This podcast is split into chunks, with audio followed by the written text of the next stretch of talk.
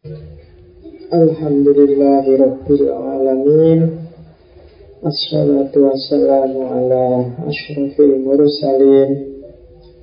Sayyidina wa maulana Muhammadin Wa ala alihi wa ashabihi wa man tabi'ahu ila yaumiddin.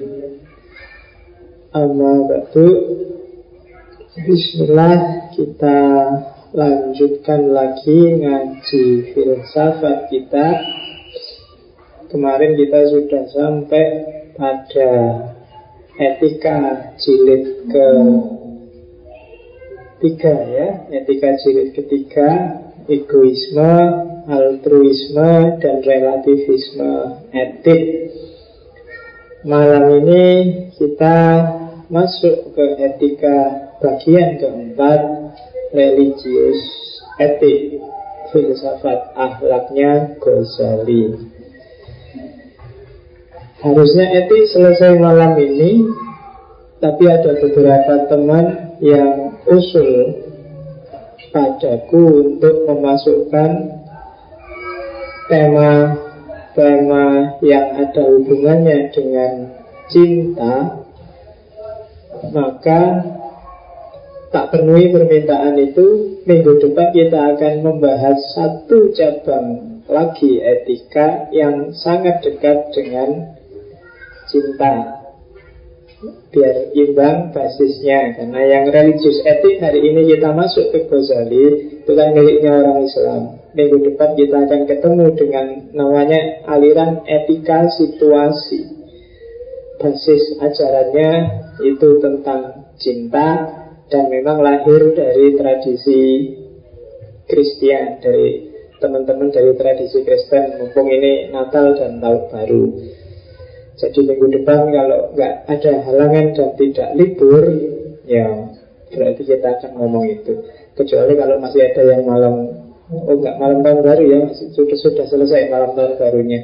Ya kecuali yang masih belum bisa bangun karena kemarin baru tahun baruan karena ngaji ini saya nggak pernah punya planning ke depan apa, mengalir aja, berjalan aja. Kemarin ada wartawan tanya, ada buku targetnya ngaji filsafat itu apa ya? Ya nggak tahu, ya ngaji aja. Ingin menciptakan orang kayak gimana, enggak, ngaji lah. Dan ya biar aja Allah yang bikin skenario kayak apa. Nanti mau jadi apa? Toh bagi saya di antara pengajian malam yang saya rutin harus hadir ngaji filsafat banyak dimudahkan untuk untuk bisa hadir. Saya punya dua lagi sesi malam hari, satu di Wahid Hasim, satu di Kerapia. Itu sering banyak halangan, mulai hujan yang nggak bisa ditoleransi, mulai. Tapi ngaji filsafat ini relatif agak lancar.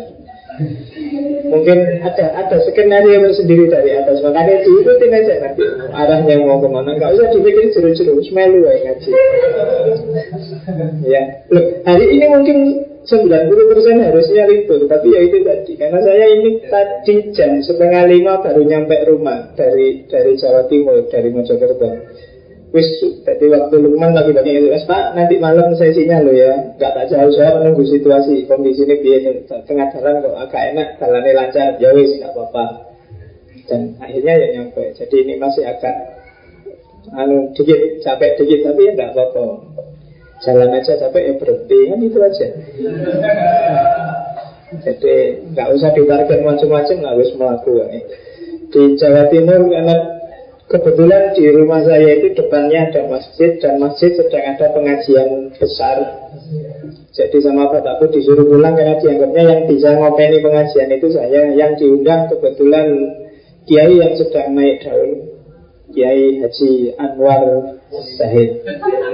Ya, jadi ya jadi kemarin terpaksa saya harus pulang karena jadi panitia yang harus soalnya saya gerak yang harus ngopeni Anwar Zahid jadi mulai jadi MC jadi nah itu tadi terus sekarang baru nyampe sini. Lumayan sekali-sekali mungkin didatangkan ke sini penting Anwar Zahid nggak mahal nggak ternyata. Lebih mahal kalau kamu ngundang Ustadz Maulana Iya kalau ngundang Ustadz Maulana sekalian harus TV-TV-nya harus ikut Jadi terus jatuhnya mahal Tapi kalau Anwar Zahid itu hanya harus biaya untuk beliau aja Yang lain ya, sekali-sekali bawa ke sini paradigmanya jauh. Kalau kalau Jogjanan itu kan cenderung harus agak berat, harus ada materi-materi khusus. Tapi agama versi kalau bahasa Qurannya Bashirun yang bikin orang gembira itu bagi saya Anwar saya itu luar biasa. Bukan bukan agama yang ngadiron, yang ngancam-ngancam, yang bikin orang susah, bikin orang stres. Tapi agama yang kalau diomongkan orangnya jadi seneng, jadi gembira luar biasa. Itu bagi saya sekali-sekali penting. Dan nggak harus menggerut anunya. Jadi ya biasa itu seneng. Jadi sekali-sekali itu lah. Cari orang yang tipenya seperti itu biar wajahnya Islam itu nggak kelihatan serius terus ya santai aja. Apalagi agama filsafat aja bisa dibikin santai gitu. Jadi ya makanya cari alternatif acara yang untuk bahwa Islam itu gembira. Islam itu nggak selalu isinya marah-marah dan serius dogmatik. Tapi pas makanya agama itu kan selalu ada kata basiran wa adanya agama itu pertama-tama untuk bikin kita gembira Cuma gembira ini biar nggak kebablasan terus ada batas. Dan batas itulah nadir peringatan. Eh ya seneng-seneng cuma ini batasnya ya ini. Dan itulah agama. Cuma sekarang kan kebalik. Agama itu pertama-tama serius dan batas Sehingga bikin orang seolah-olah agama itu penjara yang mengekang kebebasanmu. Maka paradigma agama perlu dibalik. Coba apa ya harus itu agama? Dan pengajian kemarin luar biasa pesertanya. Tidak muat. Besarnya Selapangan sepak bola dua kali lipat itu penuh luar biasa. Dan isinya orang ketawa-ketawa sampai jam 11 malam. Itu jagoannya Anwar Zahid Jadi suaraku masih serak sekarang. Ngobrol sama Anwar Zahid sampai jam 11 malam. Oke, uh, malam ini kita masuk religius etik filsafat akhlaknya Ghazali di hari Maulidul Rasul Isa alaihissalam. Iya kan? Hari Natal itu kan bahasa Arabnya kan gitu, Maulidu Rasulullah Isa alaihissalam. Hari besar, hari besar nggak ya? Karena bagi saya hari besar itu subjektif. Kalau hari libur ya, tapi kalau hari besar itu tiap orang beda-beda. Ya kan, hari besarnya orang yang ambisius ngejar jabatan adalah ketika dia dapat jabatan. Hari besarnya orang yang ngejar proyek adalah ketika dia dapat proyek. Hari besarnya orang para penulis adalah ketika dia bisa melahirkan tulisan yang gitu. Jadi hari besar itu relatif, tapi kalau hari libur jelas tanggalnya mesti merah. Beda sama hari besar ya. Hari besar itu mungkin beda. Yang tidak punya pacar tiap hari ingin pacar. Hari besarnya adalah ketika dia nembak dan diterima. Maka itu jadi hari besar. Oke, yang cari kerjaan kan juga gitu. Begitu kamu lama nyari nggak dapat kerjaan, begitu dapat itulah hari besar bagimu kan gitu. Jadi tiap orang subjektif kalau hari besar. Oke, etika religius ini etika yang beda sama yang kemarin. Sejak kemarin yang namanya etika itu melibatkan diri sendiri manusia melibatkan perilaku etiknya individu per individu atau komunitas per komunitas. Tapi ada perkembangan ketika ada agama ada genre baru dalam etika namanya religius etik.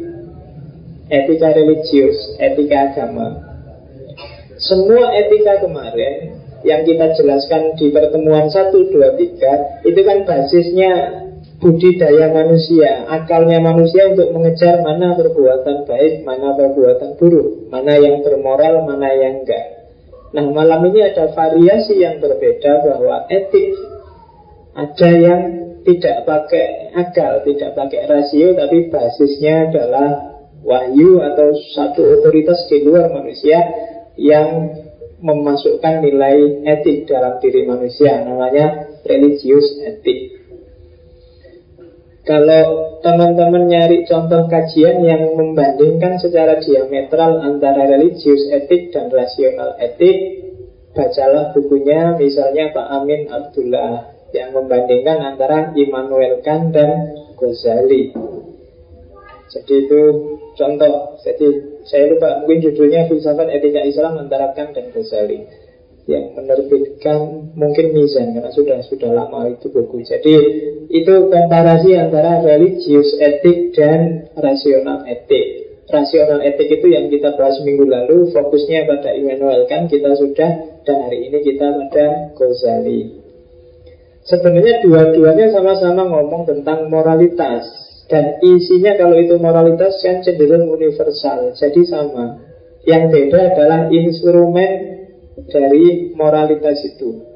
Kalau kemarin-kemarin orang disebut bermoral atau tidak bermoral Itu basisnya budidayanya manusia, rasionya manusia.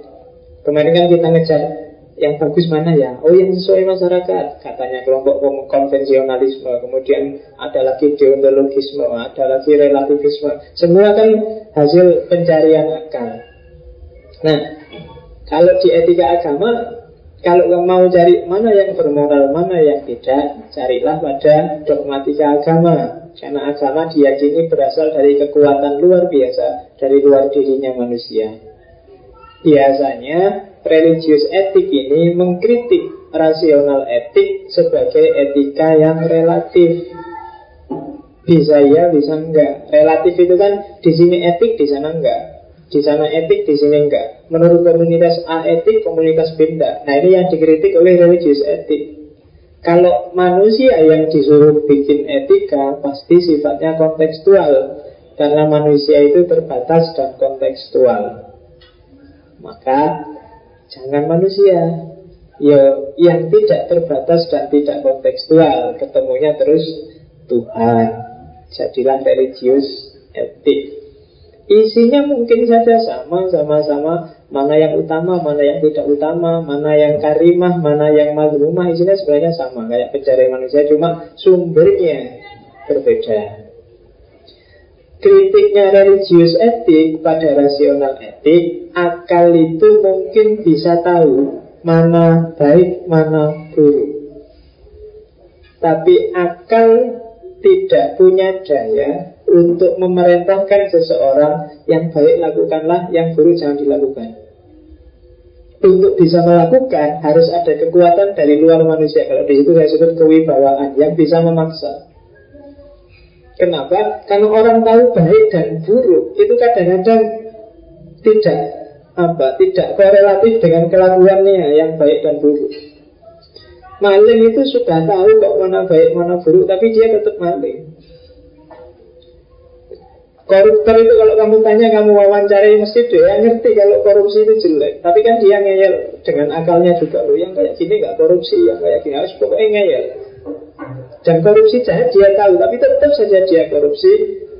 Kenapa? Karena dirinya sendiri kalau orang itu pakai dirinya sendiri, dia tidak punya daya untuk memaksa dirinya sendiri. Maka harus ada kekuatan dari luar diri manusia yang mempreser dia sehingga oh aku harus melakukan baik dan buruk. Menjauhi yang buruk, melakukan yang baik. Nah itu maka dibutuhkan kekuatan yang luar biasa namanya Tuhan kalau di Immanuel kan yang di ontologis kan Tuhan itu tidak ada di luar manusia Tapi Tuhan itu hanya implikasi logis dari rasional etik Jadi kalau di Immanuel kan itu bahasa kasarnya kan gini. Orang harus bermoral. Kenapa harus bermoral? Karena dunia harus tertib. Tanpa moralitas dunia kacau balau Untuk bisa dijamin bermoral Antara lain harus ada Tuhan Kenapa harus ada Tuhan? Karena besok setelah mati orang baik harus dapat balasan baik, yang jelek harus dapat balasan jelek. Kenapa harus nunggu mati? Karena terbukti di dunia ini tidak orang baik tidak selalu nasibnya baik, orang jelek tidak selalu nasibnya jelek.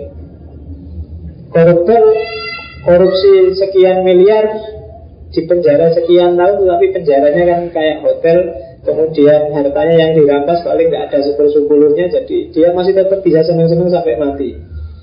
Kamu kan merasa nggak adil. Kamu yang susah payah luar biasa Dia susah terus sampai tua. Sudah jujur, sudah tekun, sudah sabar, sudah tawakal Dan hasilnya sama susah. Nah itu makanya kata katanya Immanuel kan harus ada hidup sesudah mati dan harus ada Tuhan. Gunanya Tuhan apa? Loh, kalau besok ada yang baik dibalas baik, yang jelek dibalas jelek, Tuhan ini ketua panitianya. Dia yang ngurusi besok setelah mati itu jadi Tuhan yang ngopeni eh, siapa yang baik, ah, tak kasih balasan baiknya. Dan ini harus harus Tuhan karena kalau manusia juga nggak mungkin oh, manusia obyeknya. Nah, itu kan namanya implikasi logis saja. Tapi kalau di religius etik enggak, ya Tuhan ya memang ada. Dialah yang memerintahkan mana yang baik, mana yang buruk. Kalau dalam Islam rasional etik itu nanti diwakili aliran Mu'tazilah. Kalau dalam sementara yang religius etik itu diwakili oleh As'ariyah. Jadi tuh akal mungkin bisa tahu baik dan buruk, tapi urusan yang baik harus dilakukan, yang buruk harus dijauhi itu harus pakai wahyu. Karena kadang-kadang akal itu tidak bisa definitif kayak gini. Apa ya contohnya? Misalnya, kamu punya pacar, belum nikah, tapi terus pacarmu kamu bawa ke hotel. Ngerti sendiri lah urusannya di hotel ngapain. Gak mungkin kan cuma di sana ngaji atau di sana. Urusan bareng Ah, terus disalahkan. Kamu tidak boleh kayak gitu dilarang. Tapi akal ini jelas saya tapi akal bisa kok bikin justifikasi. Bahwa itu benar loh. Ngapain sih orang-orang musim wong ini pacar-pacarku suka sama suka tidak ada yang rugi satupun. Seandainya ada konsekuensinya kan tak tanggung-tanggung sendiri Ngapain sih yang lain cerewet Ya kan akal kan itu. Masuk apa? Ini ngerokok-ngerokokku dewe Tuku rokok dewe isep-isep sendiri Ngapain sih kalian cerewet Kan itu. Sejak. Jadi akal bisa bikin justifikasi. Maka katanya As'ariyah tidak bisa. Akal sering tertipu, akal sering tersesat. Jadi untuk bisa tahu mana yang harus dilakukan dan mana yang tidak, berarti moralitas itu orang butuh wahyu, orang butuh Tuhan. Akal kita sendiri sering tidak berdaya. Kalau nggak percaya kamu tanyalah, wis ya kamu anggap nggak beres dalam agama. Imam Samudra lah, FPI lah, sepuluh keras-keras semua. Itu semua punya dalil. Semua punya argumen, semua punya justifikasi terhadap tindakannya. Maka katanya As'ari tidak bisa justifikasi didasarkan pada pendapat orang atau rasio masing-masing orang, tapi harus ada kewibawaan lebih besar yang memaksakan perbuatan. Dari situ lahir religius etik. Itu argumen pertama. Argumen kedua, kenapa harus religius etik? Ada di situ. Jadi agama butuh etika. Kenapa? Karena kalau agama tanpa etika akan kering. Orang akan jadi budaknya dogma Kalau bahasanya itu yang dikritik oleh Nietzsche Bahwa agama itu moralitas budak Jadi agama itu seperti juragan yang nyuruh kamu dan harus dipatuhi Karena kalau nggak dipatuhi kamu nggak dikasih gaji atau dipecat itu kalau minus etika. Kering Ketika kehilangan etika agama jadi formalitas Hitam putih Kalau ada orang minta-minta misalnya Itu secara formalitas Itu kamu nggak harus ngasih kok. Uang itu bukan apa-apa Tapi kan secara etika nggak enak ya nggak ngasih. Ada temenmu misalnya akhir bulan uangnya habis Terus pinjam buat aku dipinjam uang, uangmu kan masih banyak. Itu kamu nggak ngutangin, itu tidak dosa kamu. Malaikat tidak marah, nggak dicatat dosa secara formal. Tapi kan jadi kering. Karena di level etika, ya harusnya kamu ngutangin lah etikanya. Uang uangmu masih banyak, dimakan tujuh turunan kan nggak habis. ya dipinjemi lah, paling cuma buat makan aja kan sedikit. Nah itu itu level etika. Selama ini agama sering sekali tawuran dan benturan karena bergerak di level formal, di level dogmatika. Nggak, nggak naik kelas. Kita harusnya naik kelas sedikit karena etika ini levelnya di atas dogmatika. Makanya Nabi ketika ditanya misinya agama kan bilangnya inama bu istu diutamima makarimah akhlak. Puncak naik kelas lah dikit masuk ke etika. Akhir kemarin dua tiga hari ini saya capek ditanya orang boleh nggak mengucapkan selamat Natal. Kesel aku jawab. Yus akhirnya sampai Yus akarep lah mau ngucapin lah kalau nggak mau ya sudah gitu aja kok repot. Ya toh dikasih argumen daki-daki yang semula tidak setuju tetap tidak setuju yang semula setuju tetap setuju kan itu. Nggak pernah kan orang yang tidak setuju terus kamu jelasin lo ini dalilnya. Nggak percaya dia tetap percaya miliknya jadi ngapain capek-capek? Biar aja. Yang setuju setuju lah yang nggak setuju setuju lah. Kalau di kaidah usul fikih pakailah kaidahnya siapa? Jalaluddin Suyuti itu di Aswawan Adhoir atau Imam Nawawi di Sarang Muslim itu kan jadi al-khuruj minal khilaf itu mustahab jadi keluar dari debat, keluar dari diskusi, keluar dari beda pendapat yang nggak produktif itu sunnah. Mustahab itu lebih disukai daripada energimu habis dan kamu kurus gara-gara mikir mengucapkan salam itu boleh apa enggak. Yes.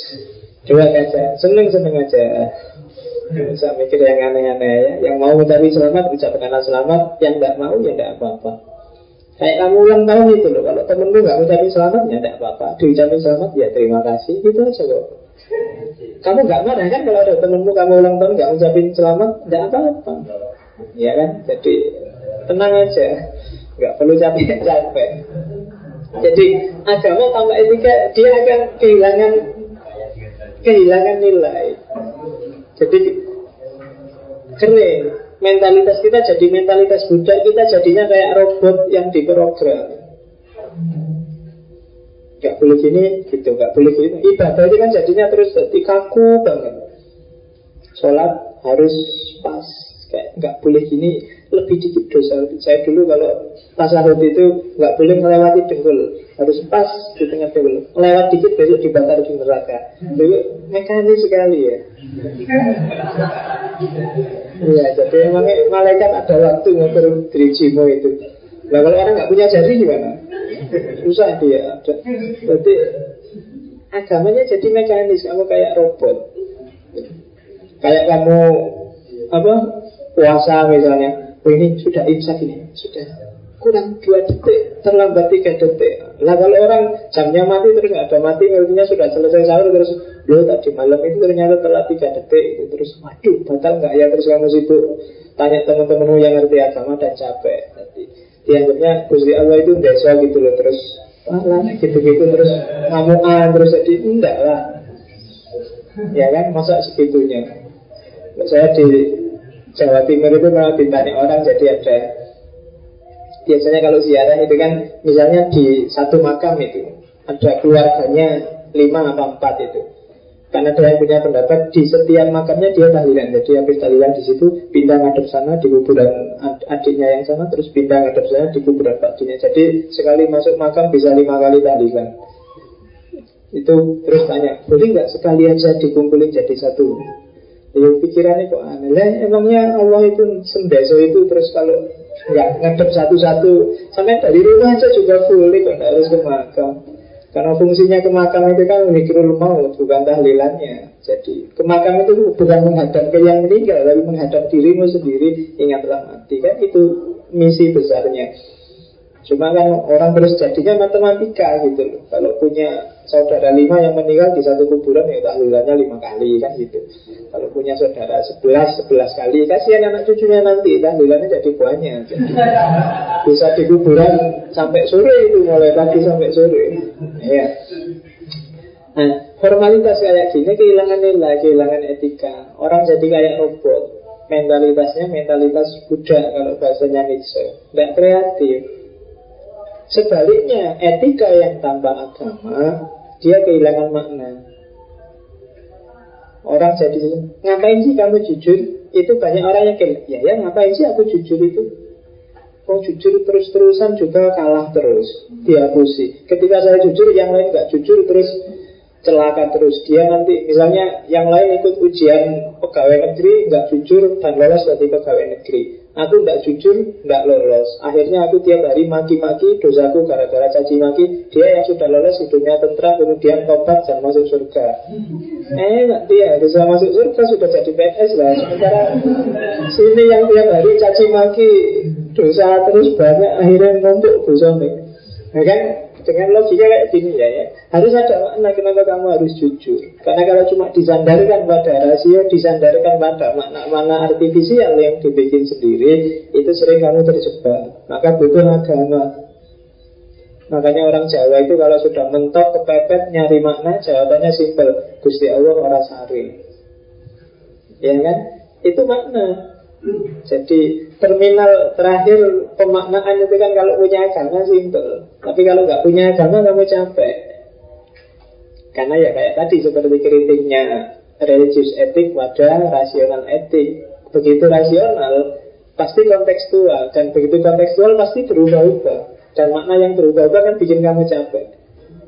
Ngasih anak kecil yang ngemis di jalanan itu bagus apa jelek Itu kan kamu diskusi sampai hari ini yang ngasih bilang, lah dikasih 200, 500 saja kita tidak kehilangan apa-apa. Tapi, oh jangan nanti dia manja. Itu kan debat kamu sampai hari ini nggak selesai. Itu kan makna lokal, makna kontekstual. Yang kedua, selain makna juga pendorong. Agama itu luar biasa loh dayanya. Jadi, etika kalau ditopang agama Itu biasanya lebih kuat karena dia punya daya dorong, daya emosional yang luar biasa. Dibandingkan kalau pakai daya rasio. Kalau perintahnya Tuhan itu kan bikin kita Wah Tuhan ini yang perintah. Tapi kalau cuma dorongan deontologis, dorongan kewajiban pribadi Kayak Dikan kemarin kan itu bisa naik turun. Tapi begitu kamu sadar Ini perintahnya Tuhan nih. Nah, Itu kan beda sudah dorongannya. Maka etika butuh agama. Selain sebagai penentu makna juga pendorong dan juga practical orientation orientasi praktisnya. Jadi orientasi mau ke mana sih ini nanti jujur terus itu mau apa? Kamu jadi orang baik terus itu tujuannya apa? Kalau kemarin di Aristoteles kan jadi orang baik itu baik kan itu tujuannya kayak tujuannya ontologi jadi being kuah being. Jadi untuk apa kamu baik? Ya tetap biar jadi orang baik. Tapi kalau di reduksi tidak untuk apa kamu baik? Orientasinya vertikal. Orientasinya ketuhanan. Makanya cari ilmu kayak gini bukan cari ilmu untuk ilmu kan dalam Islam, tapi untuk sesuatu yang di luar sekedar cari ilmunya. Makanya orang Jawa menyebutnya ngaji. Ji itu kan dari kata dasar aji. Aji itu kan kemuliaan. Aji itu kalau secara horizontal namanya martabat, secara vertikal namanya derajat. Oh, itu filsafat Jawa. Jadi dengan kamu misalnya ikut ngaji filsafat ini, kamu nggak perlu capek. Ini visi misinya apa, tujuannya apa, enggak. Dengan kamu ngaji aja. Jadi kalau orang Jawa, kamu akan punya dua status. Secara horizontal kamu akan punya martabat. Pencari ilmu itu betapapun secara horizontal dia punya martabat dan di hadapan Allah derajatmu akan naik. Makanya ya rufa'illahu ladina amanu minkum waladina utul ilma darajat. Derajatnya naik. Makanya orang Jawa menyebutnya ngaji. Kalau di kampus jadinya kaji kajian. Nah itu etika tanpa agama. Jadi etika tanpa agama kering agama tanpa etika hambar. Maka perlu struktur etik yang didasarkan pada agama kalau dalam filsafat namanya religius etik. Ya meskipun nanti ada saja yang kritik Karena filsafat itu memang tugasnya kayak gini. Dibangun sendiri, dikritik sendiri Dibangun lagi, dikritik lagi Itulah filsafat. Jadi hari ini kita coba lihat bangunannya Namanya religius etik. Hampir di semua agama punya sistem ini kalau secara formal dan dogmatika itu sangat jelas bedanya agama-agama Begitu masuk ranah etika Maka perbedaan itu akan semakin kabur.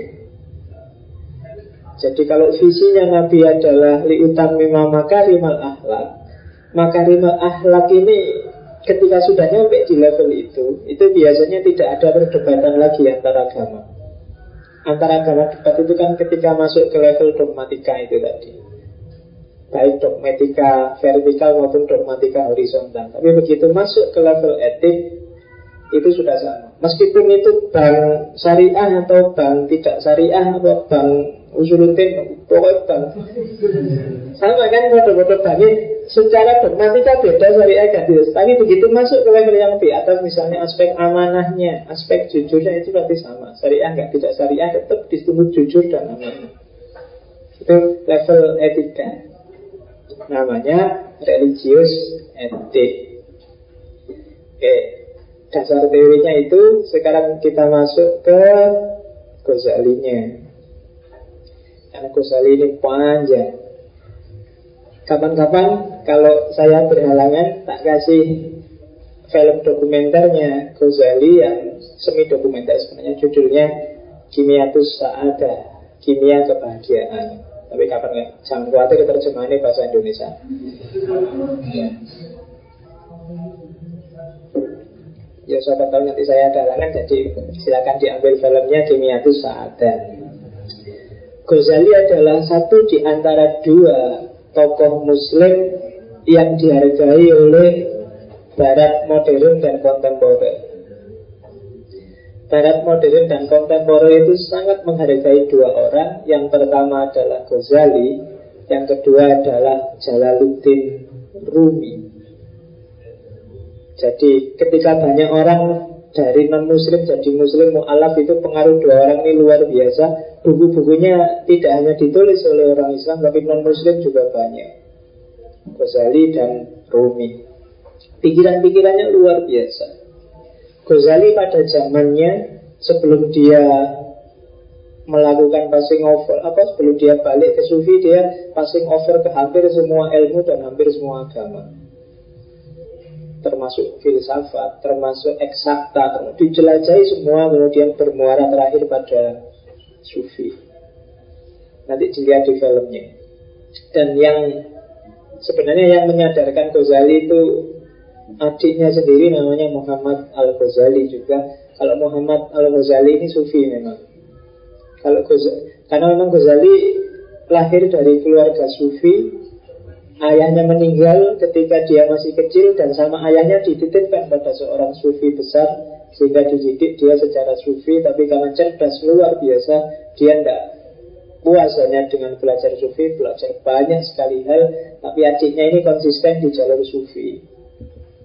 Sampai terakhir ketika ada kok dia dijadikan rektornya Nizamiyah yang dipimpin oleh Nizamul Mulk saat itu yang jadi gubernurnya. Ghazali banyak mengalami guncangan khususnya ketika Nizamul Mulk terbunuh.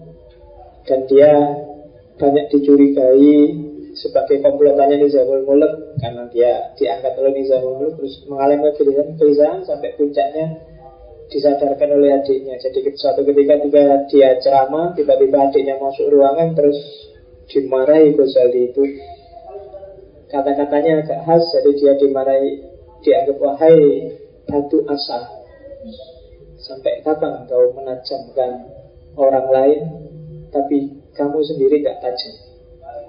Oh itu saat itu Ghazali langsung sadar. Jadi ya kayak guru ustaz dosen kayak saya di sini kan posisinya kayak batu asa. Jadi ngasah orang lain. Tapi batu asa itu sendiri dia nggak pernah tajam. Yang tajam itu yang biasa. Jadi Jangan kamu bangga lihat atau kagum lihat aku karena ini cuma batu asa dan batu asa itu tugasnya bikin tajam orang, bikin kamu makin pintar makin cerdas, tapi kadang-kadang melupakan dirinya sendiri. Jadi dia sendiri nggak pernah jadi tajam. Jadi dilecehkan oleh adiknya bahwa kamu itu batu asa sebenarnya. Pinter luar biasa, bisa menajamkan, bisa bikin pinter siapa pun, tapi kamu sendiri sebenarnya nggak ada gunanya selain hanya ngasah itu aja. Kamu sendiri nggak tajam.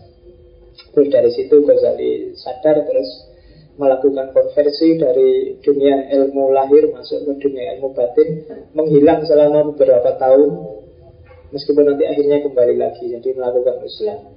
Dari situ nanti lahir beberapa masterpiece-nya dalam dunia sufi termasuk tiga kitab besar itu. Yang pertama Kimiatus Sa'adah yang kedua Ihya Ulumuddin dan yang ketiga Mizanul amal. Kalau kimia itu saada itu dasar metafisikanya sebelum ngomong tentang akhlak yang praktis dalam Isya Ulumuddin. Kalau Isya Ulumuddin itu agak panjang lebar, kalau Mizanul Akmal itu agak ringkas, tegas, jelas. Ada sebenarnya banyak Selain Mizanul Amal saya masukkan itu. Misalnya Bidayatul Hidayah Itu kan agak praktis, agak ringkas. Tapi panjang lebar teorinya ada di Ihya Ulumuddin Dan dasar metafisikanya ada di Kimiatus Sa'ada. Itu untuk akhlak saja.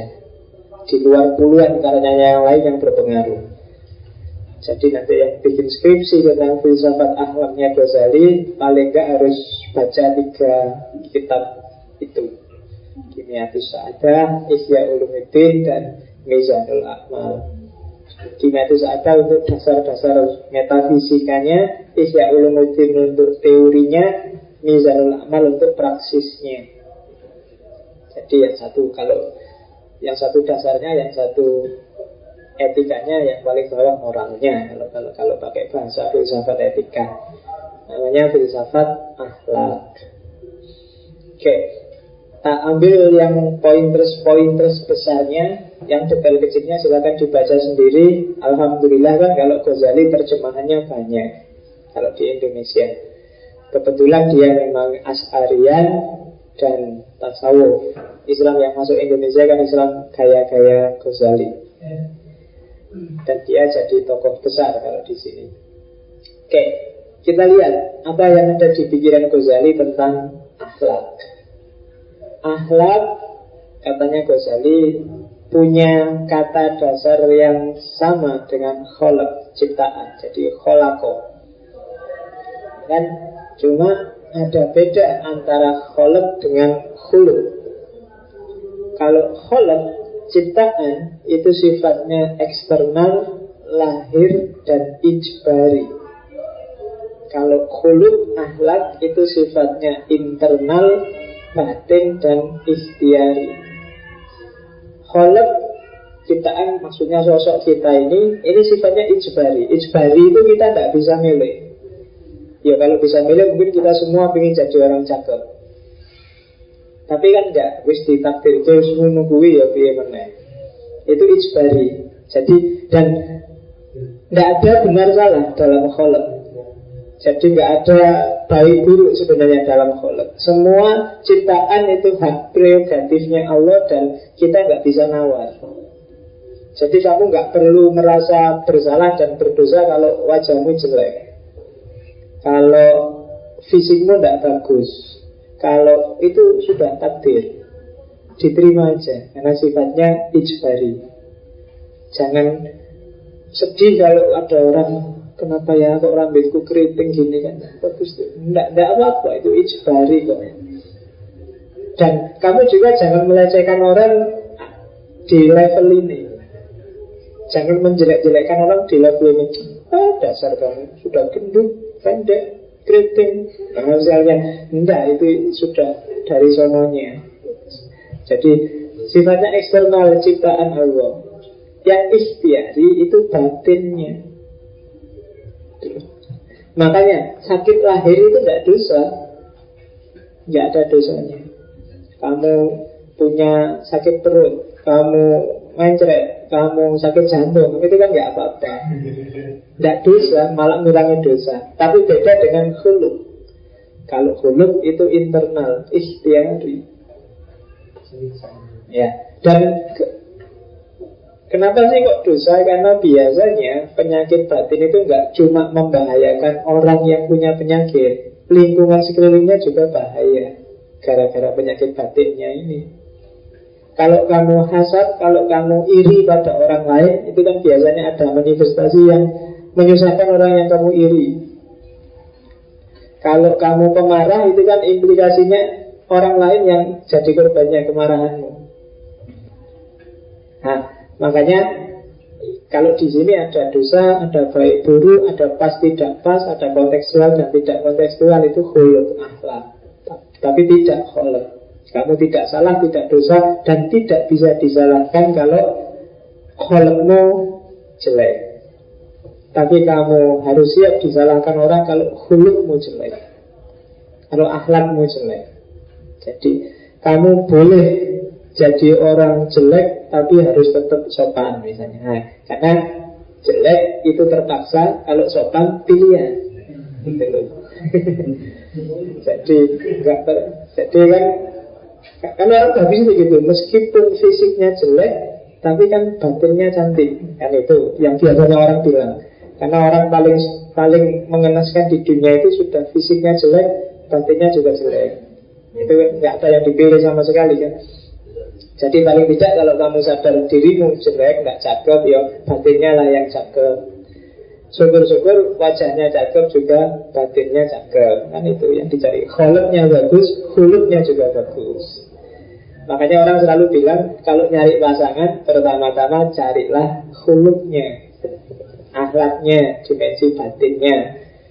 Jadi ini hiburan yang luar biasa Bagi kamu yang merasa Loh, ya kan memang gitu Kamu bisa nawar Jadi Alhamdulillah ya kita dikasih nggak jelek-jelek amat lah ya. Ada tandingannya lah seperti itu loh karena ternyata juga cakep dan jelek itu kan juga relatif kan. Di Indonesia mungkin dianggap cakep tapi begitu keluar negeri nggak cakep ya kan? Orang Cina mungkin seleranya beda sama orang Jawa. Orang Jawa mungkin beda sama ya kan? Misalnya sekarang orang juga yang langsing-langsing dianggap cakep Tapi zaman dulu justru langsing itu dianggap jelek. Dianggap orang kurang makan kurus Ya, zaman dulu yang yang disuka itu justru perempuan yang perutnya agak gendut dikit terus agak Dan itu dianggap keibuan. Dan tren seperti ini di India masih berkembang. Jadi bagi orang India perempuan menarik Kecuali akhir-akhir ini ya Secara tradisional bagi orang India perempuan yang menarik Itu yang perutnya agak gendut dikit apalagi agak ngelower sedikit ngono kayak seneng loh. Makanya dewi dewinya orang Hindu orang-orang India kan mesti gambarnya ya juga kayak gitu. Jarang di gambar langsing mesti perutnya coba kamu lihat patungnya kan bedes itu itu kan dianggap orang paling cantik pada zamannya. Tapi ini patungnya kayak gini aja kok paling cantik. Jadi rebutan kan Arab dan kawan-kawan. Karena Memang seleranya beda. Kholek sudah apa-apa lah. Itu aspek kholek. Setiap orang relatif dan nggak bisa disalahkan Kalau orang punya selera macam-macam. Orang Cina karena mungkin bagi dia rata-rata matanya sipit Maka mengidealkan yang cantik itu yang matanya lebar-lebar maka kalau nggak percaya kamu lihat komiknya orang Cina itu kan mesti tokohnya matanya lebar-lebar besar-besar itu. Karena bagi dia yang matanya lebar itu cakep. Tapi mungkin bagi Barat yang matanya lebar justru agak sensual itu yang matanya agak sipit-sipit gimana gitu ya. Nah itu kan tren, holek, selera. Seperti orang Afrika yang justru merindukan perempuan yang berbibir tebal dan hitam. Ya kan? Dia suka kulit yang hitam dan mengkilat dan yang bibirnya tebal dan rambut yang tidak lurus tapi rambut yang keriting kecil-kecil kayak orang Irian Jaya itu. Dia suka selera. Jadi tidak apa-apa kalau kamu Perempuan cantik itu perempuan yang kulitnya putih, rambutnya panjang, lurus, kemudian itu kan versi bule kan. Versi Indonesia beda, versi Afrika beda lagi. Itu selera. Dan Indonesia itu agak lumayan. Jadi agak tengah-tengah semuanya. Kulit juga putih juga enggak, hitam juga enggak, tengah-tengah. Mata juga terlalu sipit juga enggak, terlalu lebar juga enggak. Wajah juga cakep juga enggak Jelek juga enggak Pokoknya pas lah apa-apa nih Indonesia kan gitu cirinya Kecuali ada blasteran-blasteran itu beda lagi Tapi aslinya Indonesia kan lumayan. Bisa masuk ke mana-mana lah. Oke, Asia. Targetnya jadi akhlak itu Husnul Khuluk Yang digarap berarti batinnya dan kalau itu batin, rohnya manusia. Ini kalau Ghazali punya filsafat yang luar biasa tentang roh Dalam empat aspek yaitu daya intelektualitas, daya emosi, daya nafsu Dan yang terakhir daya penyeimbang Daya penyeimbang itu kemampuan manusia untuk mengontrol tiga daya itu. Dan itu kalau di kimia itu ada Di beberapa kitabnya itu dibahas secara panjang lebar sekali. Jadi yang disebut husnul khuluk itu nanti kalau di Ghazali adalah mendaya gunakan akal, emosi, nafsu bukan dibuang loh ya, didaya gunakan sesuai kebutuhan dan diarahkan pada yang namanya ahlakul karimah. Nanti kita lihat apa itu ahlakul karimah. Jadi kita punya intelek, kita punya emosi, kita punya nafsu, jangan dibuang pakailah secukupnya saja sesuai dosisnya. pahami dosisnya. Karena begitu kamu overdosis, biasanya kamu kelewatan sudah. Tidak jadi akhlak karimah. Akhlak karimah itu akhlak yang pas. Jadi husnul khulq itu berarti orang yang inteleknya hidup, emosinya juga hidup, nafsunya juga hidup. Bukan orang yang tidak punya nafsu, tidak punya emosi, apalagi tidak punya akal. Jadi seorang berakhlakul karimah itu berarti orang yang manusia sejati. Jadi manusia yang benar-benar manusia. Dia memanfaatkan semua fasilitas yang diberikan oleh Tuhan yaitu akal, emosi, dan nafsu. Tiga-tiganya didialogkan oleh daya ketiga namanya daya penyeimbang.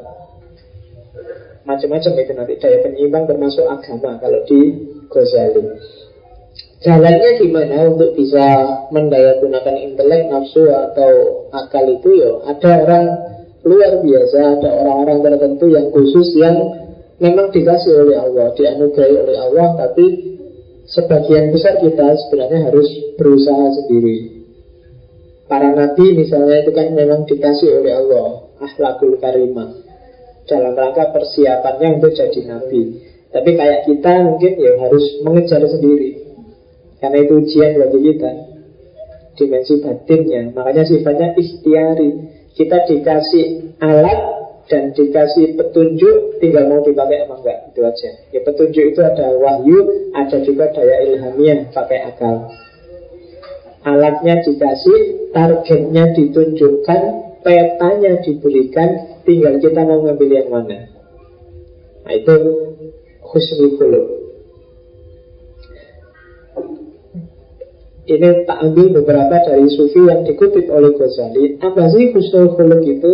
Penjelasannya panjang, cuma itu contohnya Manifestasinya. Untuk kamu bisa mendeteksi Apakah dirimu atau seseorang sudah husnul khuluk atau belum Level pertama husnul khuluk oleh Ghazali diambil dari Hasan al-Basri Ciri paling mudah apakah seseorang sudah husnul khuluk atau belum adalah mukanya selalu ramah dan senyum. Itu ciri paling gampang. Kalau ada orang dia hari merengut kayak ikan koi, mencucu terus. Itu alamat paling simpel bahwa akhlaknya bermasalah. Kalau tidak dia tidak optimis, pasti dia selalu suudzon pada orang lain. Menganggap orang lain sebagai ancaman. Menganggap orang lain sebagai bahaya bagi dirinya maka orang iso guyu belas. Merengut. Kalau ada orang datang ah nggak lucu. Kalau ada. Iya kamu sudah capek-capek mbak jawabannya simpel. Nggak lucu. Kasihan temennya kan sudah sudah ngarang bagelan dari mana-mana kamu jawabannya bikin manggel kalau diajak ngomong juga ketus Kalau diajak diskusi juga Kalau ngomong sinis melecehkan, meremehkan Nah itu alamat Salah satu tanda bahwa Orang ini sebenarnya tidak husnul khuluq. Tidak enak Jadi mulai sekarang latihanlah berwajah ramah dan senyum. Lu tak gampang lo itu Karena kadang-kadang kamu itu tidak sadar tiap hari merengut tiap hari. Mungkin kamu banyak pikiran jadi diajak ngomong gak nyambung. Kalau orang sedang ingin diapresiasi Kamu juga bilang Terus gue harus bilang wow gitu. Iya. Itu kan gak enak. Kalau temenmu ingin diapresiasi Kamu coba bilang gitu jadi apresiasi lah Yang ramah, yang enak gitu loh Kalau ditanya, kalau dianu itu kan Jawabannya jangan kedus Dari mana mas? Dari belakang Mau ke mana mas? Mau ke depan Kok jalan aja mas? Emangnya mau ngerangkak? Nggak enak ya biasa. Gak yang enak gitu loh jadi orang itu. Nah, jadi ciri pertama kalau katanya saya kasih. Katanya Al-Wasiti level kedua dari orang husnul khuluq itu selalu mengembirakan orang lain, makhluk lain, baik dia sendiri sedang senang atau sedang susah. Itu katanya Al-Wasiti. Level kedua. Jadi kalau level pertama kamu Mau digembirakan orang Level kedua kamu bisa mengembirakan orang. Ketika kamu hadir, situasi jadi cerah, jadi ramai, jadi senang. Ketika kamu datang orang Alhamdulillah kamu datang. Jadi ramai senang Itu alamat biasanya kamu akhlakmu bagus. Tapi kalau begitu kamu datang Allah datang lagi. Iya. Alamat ya, alamat ini mesti. Ah, Kalau ada orang begitu kamu datang semuanya merenung Itu tanda-tanda. Ada yang tidak dia mereka sukai dari kamu. Maka hati-hati Usahakan kedatanganmu selalu bikin ceria suasana Selalu bikin orang gembira Itu ciri paling gampang Oke, naik kelas dari situ ada pendapatnya Abu Usman. Nah, ini sudah ke dalam lagi. Kalau tadi kan artifisial aspek fisiknya kelihatan dari luarnya. Ini lebih ke dalam lagi. Orang husnul khuluq adalah orang yang tidak pernah mengeluh. Orang yang selalu ridho, ikhlas, rela berhadap apa pun ketentuannya Allah. Jadi ada saat saya pernah melakukan bikin tulisan tentang Gus Dur. Jadi argumen pro dan kontra orang yang mencaci maki Gus Dur dan yang memuji-muji Gus Dur. Di antara pujian dan cacian itu ada satu karakter dari Gus Dur yang menurut saya luar biasa adalah Gus Dur adalah orang yang tidak pernah mengeluh apa pun situasinya. Ada orang mencaci maki, ada orang marah, dia nggak pernah. Aku kok nggak pernah. Jadi dia selalu menanggapi sesuatu, merespon sesuatu dengan cara positif, dengan gayanya sendiri, tapi tidak pernah mengeluh. Nah, itu orang yang tidak pernah mengeluh sebenarnya salah satu ciri bahwa sebenarnya dia berada dalam domain namanya husnul khuluq. Orang yang selalu ridho, selalu ikhlas, selalu rela apa pun ketentuannya Allah. Kamu dikasih apa pun, difasilitasi apa pun, di perlakukan seperti apa pun oleh Allah kamu rela dan tidak mengeluh. Nah, itu husnul Meskipun kuliahmu jungkir balik nilai E nya lebih banyak daripada nilai saya terima. Gak apa-apa, wong memang gara-gara aku sendiri sih, gak pernah ngeluh. Meskipun sampai semester 14 Jangankan pacar kamu deket aja sama Serius nggak pernah. Nggak apa-apa nggak usah mengeluh. Ya saya tahu diri lah nggak apa-apa. Pacar bukan segalanya. Ah itu loh. Nggak pernah mengeluh Meskipun secara ekonomi kamu pontang banting Tiap kali tengah bulan kamu harus Setiap kali jadi Karena saya di Facebook ada yang posting bahwa Dompetku mungkin terbuat dari bawang merah karena setiap kali tak ambil tak buka Aku langsung berbesmili Jadi dia yang itu jangan-jangan dompetku ini terbuat dari bawang merah ya. Karena setiap kali tak buka langsung berbesmili Karena gak pernah ada isinya Jadi itu Ya jadi Oke Jadi orang yang tidak pernah ngerti dan yang ketiga, naik level dari itu adalah orang yang sanggup menahan diri. Seandainya disakiti orang, tidak pernah balas. Jadi selalu sayang pada orang yang selalu bisa memaklumi apa pun perilaku orang pada dirinya. Itu pendapatnya Al-Furqan yang diadopsi oleh Ghazali. Jadi level ketiga dari Khuluq adalah orang yang tidak balas, bisa menyebarkan ideologi kasih sayang memohonkan ampun pada orang yang menggolimi dia. Jadi tidak sekedar bisa, tapi malah memohonkan ampun. Yang serius tapi karena ada juga yang guyonan kan ya Allah ampunilah orang yang menggolimiku masukkanlah dia ke surga kalau bisa sekarang juga masukkan ke surga itu, itu namanya nggak niat mendoakan yang baik jadi ya yang beneran didoakan biar diampuni nggak kok terus. Itu kan nyumpahi dan mati saiki gitu namanya jadi diperlukan ampun biar meskipun dia mendolimimu itu level husnul khuluq yang ketiga. Dan yang terakhir puncaknya husnul khuluq adalah ketika seseorang tidak lagi bisa mempengaruhi dirinya apa pun kondisi sekelilingnya karena yang dia inginkan hanya Allah.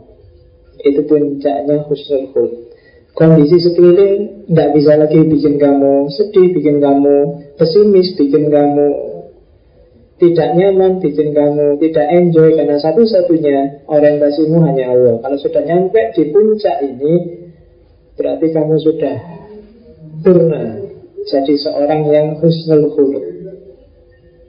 Itu contoh manifestasi dari husnul khuluq. Nah, nanti dalam Isya Ulumuddin dari situ akhirnya Ghazali mendefinisikan husnul khuluq sebagai watak, tabiat, perangai yang menetap dalam jiwa. Dan dari situ timbul perbuatan. Yang perbuatan itu muncul tidak karena dipikir panjang karena dia sudah tertanam dalam dirinya otomatis saja keluar. Itulah akhlak Itulah moral. Jadi seorang disebut bermoral itu dilihat dari perilakunya sehari-hari yang muncul secara spontan. Bukan yang dibikin-bikin, direncanakan atau dipikirkan dulu. Karena watak ini sudah sudah tertanam dalam dirinya. Bukan kok kayak tadi, mbok kamu senyum, terus kamu senyum. Nah, itu kan karena diperintah. Tapi kalau sudah inner, sudah masuk, itu diperintah nggak? Diperintah pun dia ke mana-mana selalu senyum. Kenapa? Karena dia watak sudah menetap kuat dalam jiwa, sudah tertanam dalam diri itu akhlak. Jadi seorang disebut berakhlak itu bukan orang yang tiap hari acting jadi orang baik, tapi dia benar-benar jadi orang baik. Kan banyak orang yang cuma acting jadi orang baik acting jadi orang yang dizalimi. Acting jadi kan selama ini acting. Kamu lihat di TV itu kan semua acting. Nah, jadi orang bermoral itu bukan orang yang berakting tapi benar-benar bermoral. Kalau acting itu kan nggak mesti aslinya. Jadi miswar acting dia suka sama sosis. Kamu berani jamin nggak ada miswar itu memang suka sama sosis Kan? Enggak Itu kan namanya acting. Seolah-olah dia tiap hari sosis Tapi sebenarnya enggak. Maka akhlak itu tabiat. Kalau tabiat itu sifatnya natural, alami Melalui proses panjang dan tertanam dalam dirimu. Tanpa harus disuruh kamu sudah murah senyum Tanpa harus disuruh kamu jadi pemaaf. Tanpa harus disuruh kamu jadi orang yang menyenangkan. Itulah itulah akhlak. Itulah moral. Jadi ini penjelasannya aja. Akhlak itu bukan makrifat, tidak sekedar pengetahuan, juga bukan tidak sekedar takdir kudrat dari Allah, juga tidak sekedar kamu lihat dari perilakunya, tapi akhlak adalah kondisi jiwa, kondisi batin. Jadi ada orang yang tiap hari acting, itu bukan akhlak. Ada misalnya pelawak itu kalau di panggung lucu luar biasa Tapi begitu di rumah dia bengis luar biasa. Itu berarti lucunya cuma acting Ada orang yang tidak jadi pelawak Tapi tiap hari ngobrol sama temen lucu, lucu sekali. Itu berarti wataknya, tabiatnya memang lucu Meskipun nggak ada yang bayar.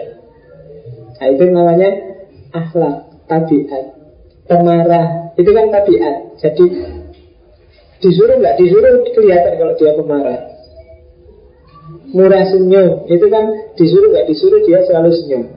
Bukan ketawa loh ya. Bedakan murah senyum dengan murah ketawa. Kalau murah ketawa itu tidak ada apa-apa yang lucu ketawa. Nah itu rada tidak beres itu berarti. Jadi hakikatnya akhlak berarti tabiat. Watak yang tertanam yang keluarnya secara otomatis. Jadi responnya otomatis. Tidak karena dipikir. Misalnya ini mau ketemu dosennya ini harus begitu ketemu nanti saya mau salam tak cium tangannya kemudian tak puji-puji dia biar gue nilai itu api itu kan tidak spontan namanya. Sudah direncanakan sebelumnya. Wah nanti ketemu dia di kelas nanti biar enak begitu ketemu pulpen itu tak jatuhkan terus tak deketin dia. Itu kan dirancang tidak spontan. Jadi kalau ada yang kayak gini berarti itu bukan tabiat, bukan akhlak, tapi manipulasi direncana sebelumnya. Maka akhlak adalah tabiat. Syaratnya dua akhlak itu, dia harus stabil dan spontan. Stabil itu berarti selalu begitu yang dia lakukan. Baik kemarin, hari ini, dan besok. Dan kalau spontan itu muncul dengan mudah tanpa dipaksa. Nah, itu dua syaratnya. Jadi kalau kita ingin mendeteksi akhlaknya orang ini bagus apa enggak sih, ceklah kebiasaannya dan yang kedua lihatlah perilaku-perilaku spontannya. Itu menentukan. Jangan lihat yang palsu-palsu, yang dibikin-bikin. Biasanya untuk acara-acara formal itu dibikin-bikin. Tapi untuk kehidupan sehari yang biasa itu orang tidak bisa dibohongi. Jadi Meskipun orangnya bilang saya itu sebenarnya penyabar, saya tiap hari berusaha sabar, begitu di belakangnya marah-marah kan nggak bisa dibohongi. Jadi coba lihat kemarin apa yang dia lakukan, sekarang apa yang dia lakukan, besok apa yang dia lakukan. Jadi stabilitas, stabil kan. Kemarin apa saja sih, kemudian spontanitas. Cirinya dua. Jadi ahlak seseorang itu baik atau buruk, lihat dua hal ini stabilitas dan spontanitasnya. Sumbernya akhlak ya ada tiga kalau di Ghazali ada yang dibawa sejak lahir, ada yang dipengaruhi lingkungan, ada yang dipengaruhi oleh sejarah hidupnya. Pembawaan sejak lahir itu sifatnya genetik, genetikal. Jangan salah, ada yang diwariskan juga Meskipun itu batin atau moralitas Penelitian terbaru Saya baru baca di mana saya lupa. Jadi kalau ada orang jatuh cinta Kemudian ditolak Dan hidupnya jadi murung Kalau dia tidak bisa mengatasi rasa murungnya ini Rasa murung ini bisa diwariskan pada anak cucunya. Iya. Karena karena kalau juga kecuali orang yang bisa melupakan alam cari lagi gampang. Tapi kalau ini kamu pendam sampai besok, rasa murung, rasa marah, rasa bersalah, rasa itu bisa diwariskan secara genetik. Itu kan bagus penelitiannya. Jadi mungkin generasi Indonesia sekarang kok kayak gini itu jangan-jangan sebagian besar diwariskan. Kalau orang tuanya sumpet, stres, orang tuanya pesimis, itu ya generasi yang diwariskan kemungkinan nggak jauh-jauh dari situ. Maka untuk perbaikinya ya lingkungannya harus diatata lagi, pengalaman hidupnya harus diatur biar bisa rasa murni yang sifatnya genetikal DNA ini bisa dihilangkan. Termasuk juga cinta karena penelitian ini tentang cinta. Bagaimana cinta itu bisa tidak cuma masuk ke hati tapi juga mempengaruhi struktur genetik. Luar biasa kan? Kalau itu genetik bisa diwariskan. Maka sering kali seleranya bapak itu seleranya anak. Makanya banyak orang Aku ingin istri kayak ibuku Itu nggak main-main. Kadang-kadang memang ada pengaruh gen. Ya minggu depan kita bahas itu agak panjang Tentang cinta seperti apa Termasuk yang diwariskan secara genetik. Makanya kalau ada kemurungan-kemurungan, kegelisahan, kegalauan itu jangan disimpan di hati. Apalagi kamu ren, apa kamu nikmati lama dan akhirnya masuk ke bawah sadar. Ketika masuk ke bawah sadar itu kalau lama-lama dia akan berpengaruh pada gen dan nah, kasihan kan kalau kamu melahirkan generasi yang murung, generasi yang patah hati. Kalau patah hati PNDW tidak bisa diwariskan. Karena kalau diwariskan kasihan nanti anak cucunya. Marah juga begitu. Uh, suka ambisi, obsesi itu juga begitu. Obsesi apa dan tidak keturutan itu kadang-kadang bisa diwariskan. Itu yang sering-sering sehingga bapaknya punya cita-cita luar biasa untuk jadi artis nggak jadi-jadi, terus anaknya ternyata bisa. Kenapa begitu? Karena obsesinya diwariskan, meskipun secara tidak sadar dan tidak langsung. Oke, okay. next time kita bahas itu.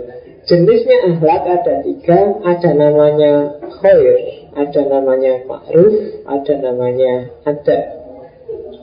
Kalau khair itu nilai-nilai akhlak yang sifatnya universal, yang sumbernya dari wahyu.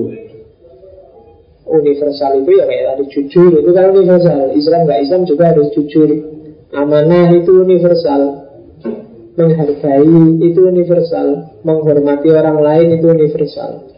Tapi ada juga yang sifatnya ma'ruf Kalau ma'ruf itu nilai moral yang sifatnya kontekstual Makanya dalam agama disebut amar ma'ruf. Amar ma'ruf itu berarti perilaku akhlak yang kontekstual sesuai dengan kondisi. Kenapa yang disuruh perintah amar ma'ruf? Karena yang khair itu sudah tegas. Benar salahnya nggak perlu dibahas.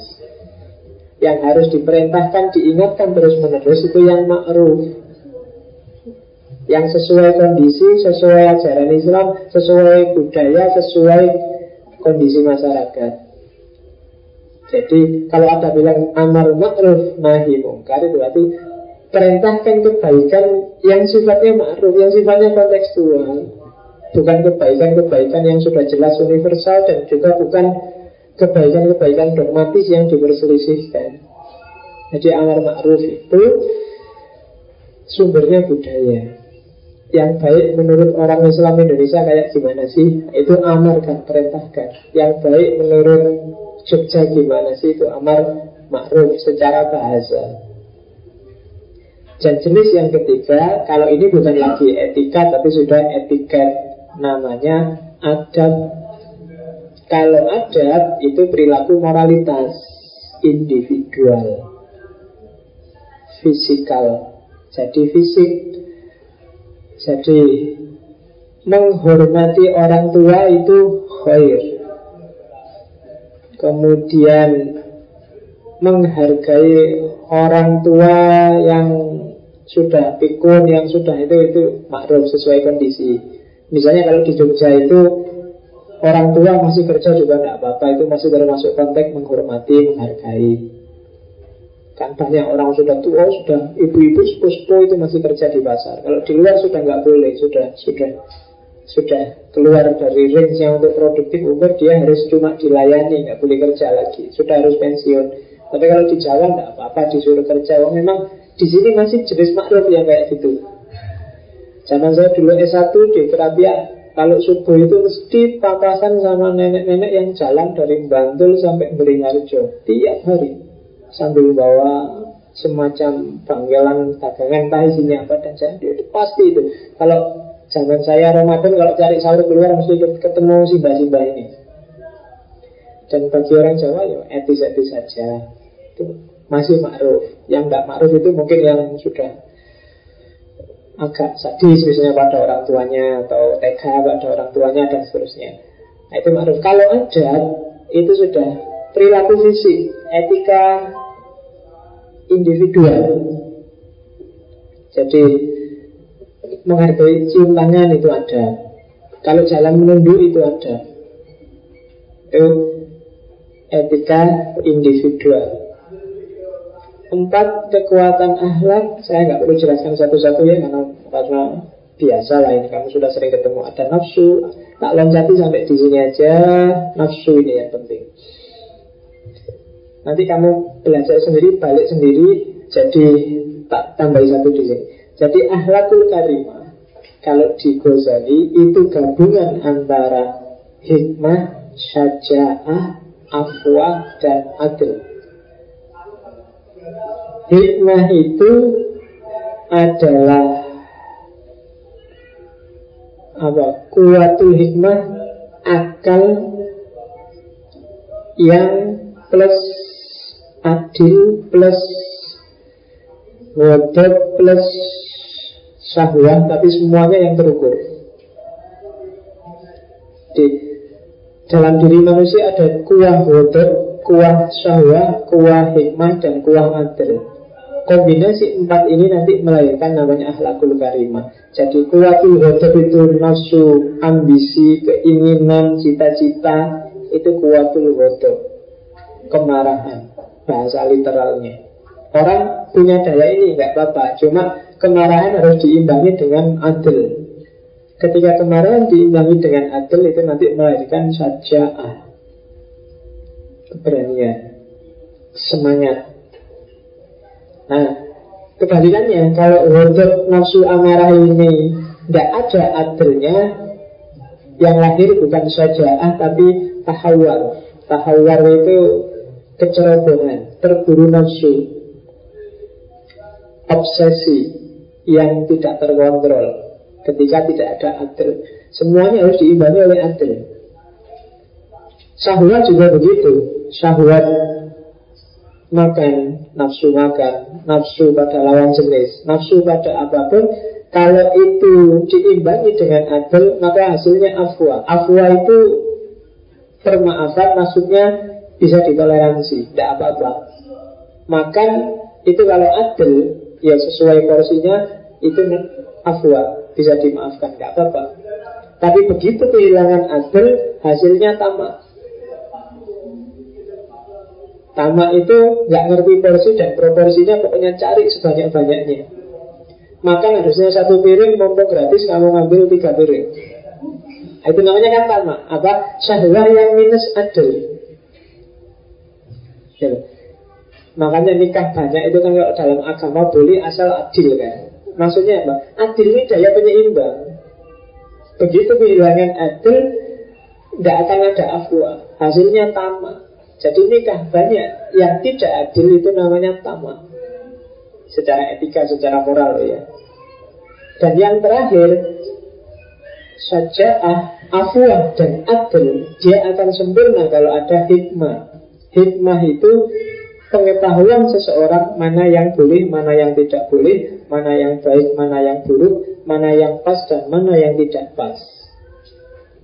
Itu namanya hikmah seperti yang kita kaji hari ini namanya filsafat Yang disebut hikmah. Yang kalau katanya Nabi Al-hikmah itu dolatul mukmin Hikmah itu barang hilangnya seorang mukmin Di mana pun ada hikmah ambil. Wong itu milik kita yang kemarin hilang jadi apa hikmah itu dari barat, dari Kristen, dari Hindu, dari Buddha. Kalau kamu ketemu hikmah di sana Jangan malu-malu untuk diambil. Oh iya ya ini penting, ini bagus, ini islami, ini sesuai dengan kita. Diambil aja. Itu berarti namanya hikmah. Itu barang hilang kita. Ini jadi moto di Universitas Aligarh India. Nanti di gerbangnya depan ada tulisan besar sekali Al-Hikmatu Dolatul Mu'min Alikah itu kalau di buku tulisannya Aligarh Ya, Aligarh India. Itu di sana ada tulisan itu. Jadi belajar filsafat tidak apa-apa. Apakah kafir atau enggak filsafat? Kalau filsafat itu hikmah sebenarnya sangat islami Dan diperintahkan oleh Nabi untuk mengambil Karena al-hikmah itu dolatul mukmin. Barang hilangnya kita seorang mukmin ini yang paling terkenal dari Ghazali Kategori nafsu. Ada nafsu mutmainnah Ada nafsu lawama Ada nafsu amarah Silahkan kamu identifikasi nafsumu. Nafsu, Nafas berarti kondisi jiwamu. Kalau jiwamu itu tenang, tentram Melakukan perbuatan enjoy luar biasa Ada yang nelpon nggak ada namanya ya tak tolong terus Kalau ada namanya tak terima Apalagi sedang ngomong gini ya. Biar aja. Ya, Laki-laki nunggu panggilan. Oke okay. Jadi Nafas mutmainah itu jiwa yang tenang Yang melakukan kebaikan itu enjoy aja. Gak usah dipikir, gak usah dia Yang keluar otomatis kebaikan. Berarti nafasmu nafas mutmainah Ada nafas level kedua Nafas lawama kalau nafsu lawama ini debat terus dalam dirimu. Mau yang baik apa yang buruk ya, enaknya jajannya aku pengen nyontek waktu ujian ini. Kalau nggak nyontek jelek Tapi kok nyontek itu gak boleh dalam agama ya? Gimana? Ya Kalau sering kamu kayak gini Berarti level nafasmu ada nafas lawam Dan yang terakhir Kebalikannya mutmainnah Namanya nafsu amarah. Nafsu yang kalau yang di mutmainah itu lancar sekali melakukan yang baik, kebalikannya di nafsu amarah itu kamu lancar sekali melakukan yang jelek-jelek. Enak aja melakukan yang jelek-jelek. Kalau nafas mutmainah itu begitu buka internet ada gambar saru-saru, astagfirullah langsung ditutup. Itu nafas mutmainah. Tapi nafas lawama itu ada gambar eh, ini gambar ini ditutup nggak ya kok emang ya mau ditutup tapi kalau nggak ditutup juga nah itu Itu namanya nafsu lawamah. Kalau nafsu amarah itu berarti ada gambar, hmm, ini gambar harus segera di download itu. Nah, itu namanya nafsu amarah. Terus gampang-gampang ini kan lah kalau kamu susah membedakan. Jadi kalau cepat-cepat ditutup berarti kamu masih mutmainah. Kalau masih mikirnya panjang sekali sambil dilirik-lirik ini ditutup apa enggak? Ya ditutup apa enggak? Itu masih tahu lama. Tapi kalau kamu oh ini harus didownload, yang lain ada nggak? Linknya kamu kejar terus, ya, itu namanya nafsu amarah. Cirinya itu biar cepat. kalau ini standar lah kamu pasti ngerti. Namanya tasbiyatun nafas pembersihan diri. Lewat latihan jihadun nafas dan seterusnya. Next time kalau ada sesi tasawuf kita perpanjang ini. Jadi intinya tasbiyatun nafas itu tirakat kalau dalam bahasa Jawa membersihkan diri itu perlu latihan. Tirakat itu kamu melatih dirimu Meskipun uangmu banyak Kamu melatih dirimu seolah-olah kamu nggak punya uang jadi ngirim Meskipun kamu boleh tidak sholat malam Tapi kamu latih dirimu untuk rajin sholat malam Meskipun kamu boleh tidak sedekah Tapi kamu latih dirimu untuk tidak, tidak terikat oleh dunia Dan kamu coba sedekah itu namanya tirakat.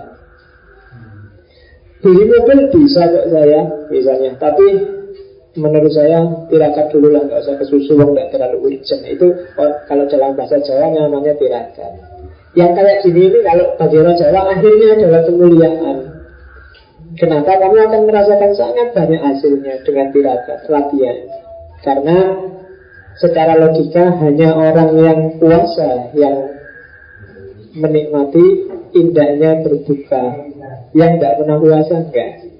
Hanya orang yang puasa yang merasakan enaknya buka puasa. Tapi yang sejak pagi makan tidak puasa, nggak ada enaknya makan maghrib itu. Tapi begitu kamu puasa, makan malam maghrib terasa luar biasa.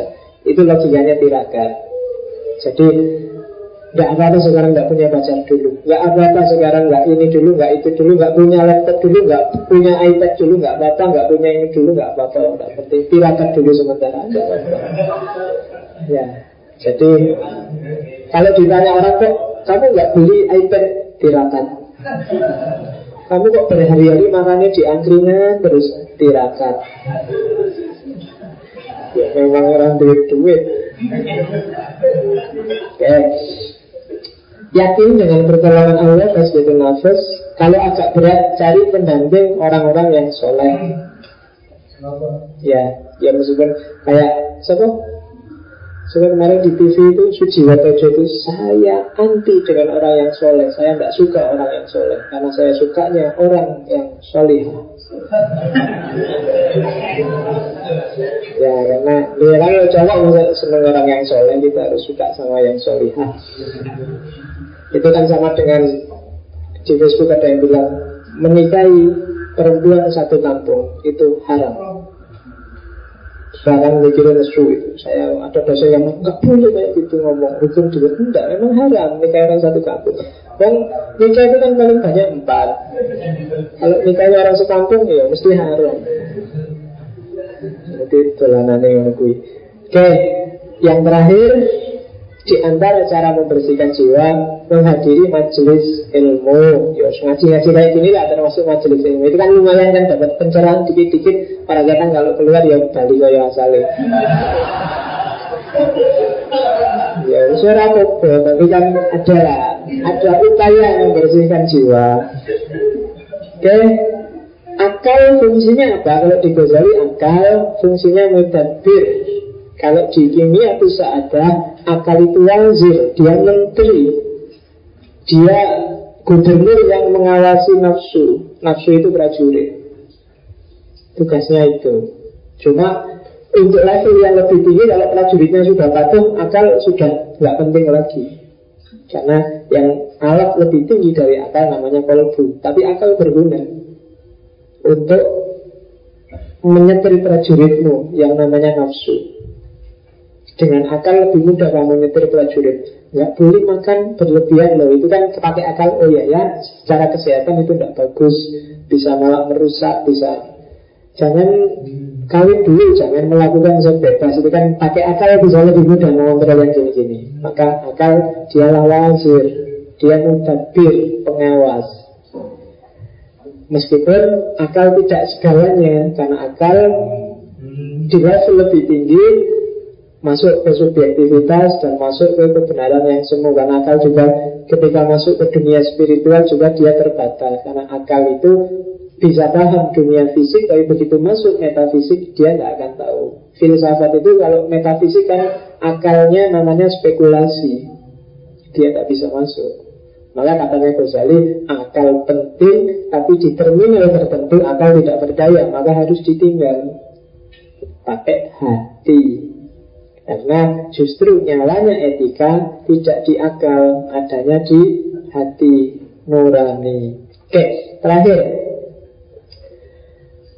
Manifestasinya kalau di Ghazali itu sebenarnya ngutip dari Junet Ghazali bahwa seorang yang etis ethical dimension berarti sufficient etiknya Ghazali itu dirumuskan dalam 1, 2, 3, 4, 5, 6, 7, 8 kalau di Ghazali.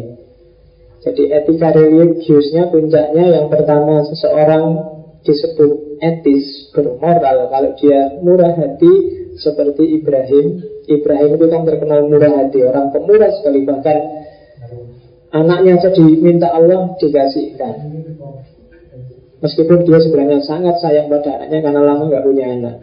Atau dan yang kedua punya sifat ridho seperti Ismail jadi Ismail itu meskipun bapaknya bilang le kamu tak sembelih ya ini perintahnya Allah. Nggak apa-apa kalau perintahnya Allah sembelih aja kayak gitu. Seandainya tak bayangin saya nanti malam mimpi terus ketemu Yasir. Sir, tadi malam aku dapat wahyu Kamu harus tak antemi sekarang misalnya. Yasir kan gak terima. Karena memang Yasir secara moral masih di bawah Nabi Ismail. Oh, berarti di atas aku, Pak. Eh, iya, suara moko. Oke. Yang ketiga sabar kayak Nabi Yakub. Nabi Yakub itu puluhan tahun dikasih musibah sakit, tapi dia tetap sabar, nggak pernah komplain, nggak pernah protes.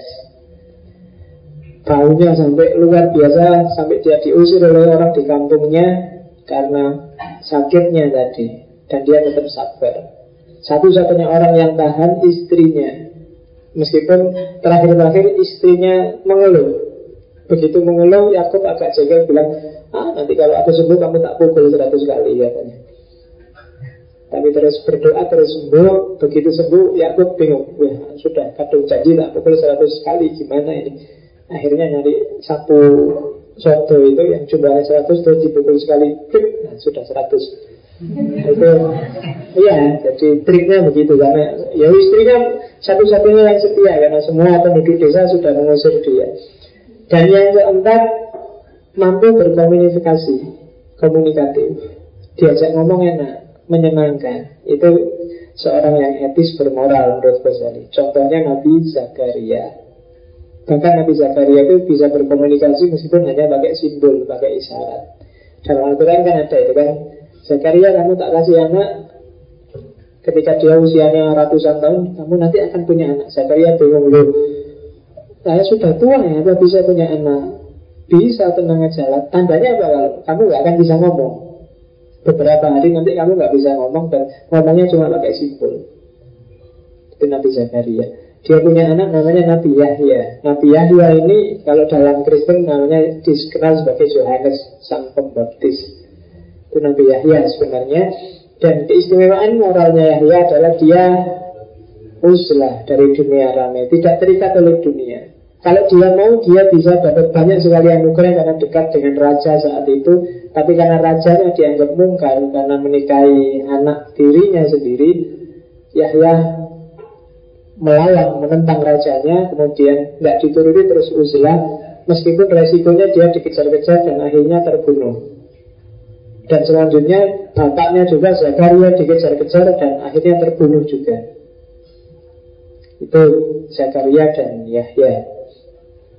Nabi Zakaria memang terbunuh jadi waktu dikejar-kejar dia masuk ke dalam pohon tapi ketahuan terus pohonnya ditebang jadi tubuhnya terbelah dua di dalam pohon itu Nabi Zakaria kemudian cirinya juga Musa Musa berarti dia tidak pamer kemewahan Musa itu kan meskipun dia anak angkatnya raja Fir'aun tapi dia selalu sederhana ke mana-mana pakai baju wol itu cirinya Musa kalau Musa orangnya tinggi, besar, hitam, agak keriting.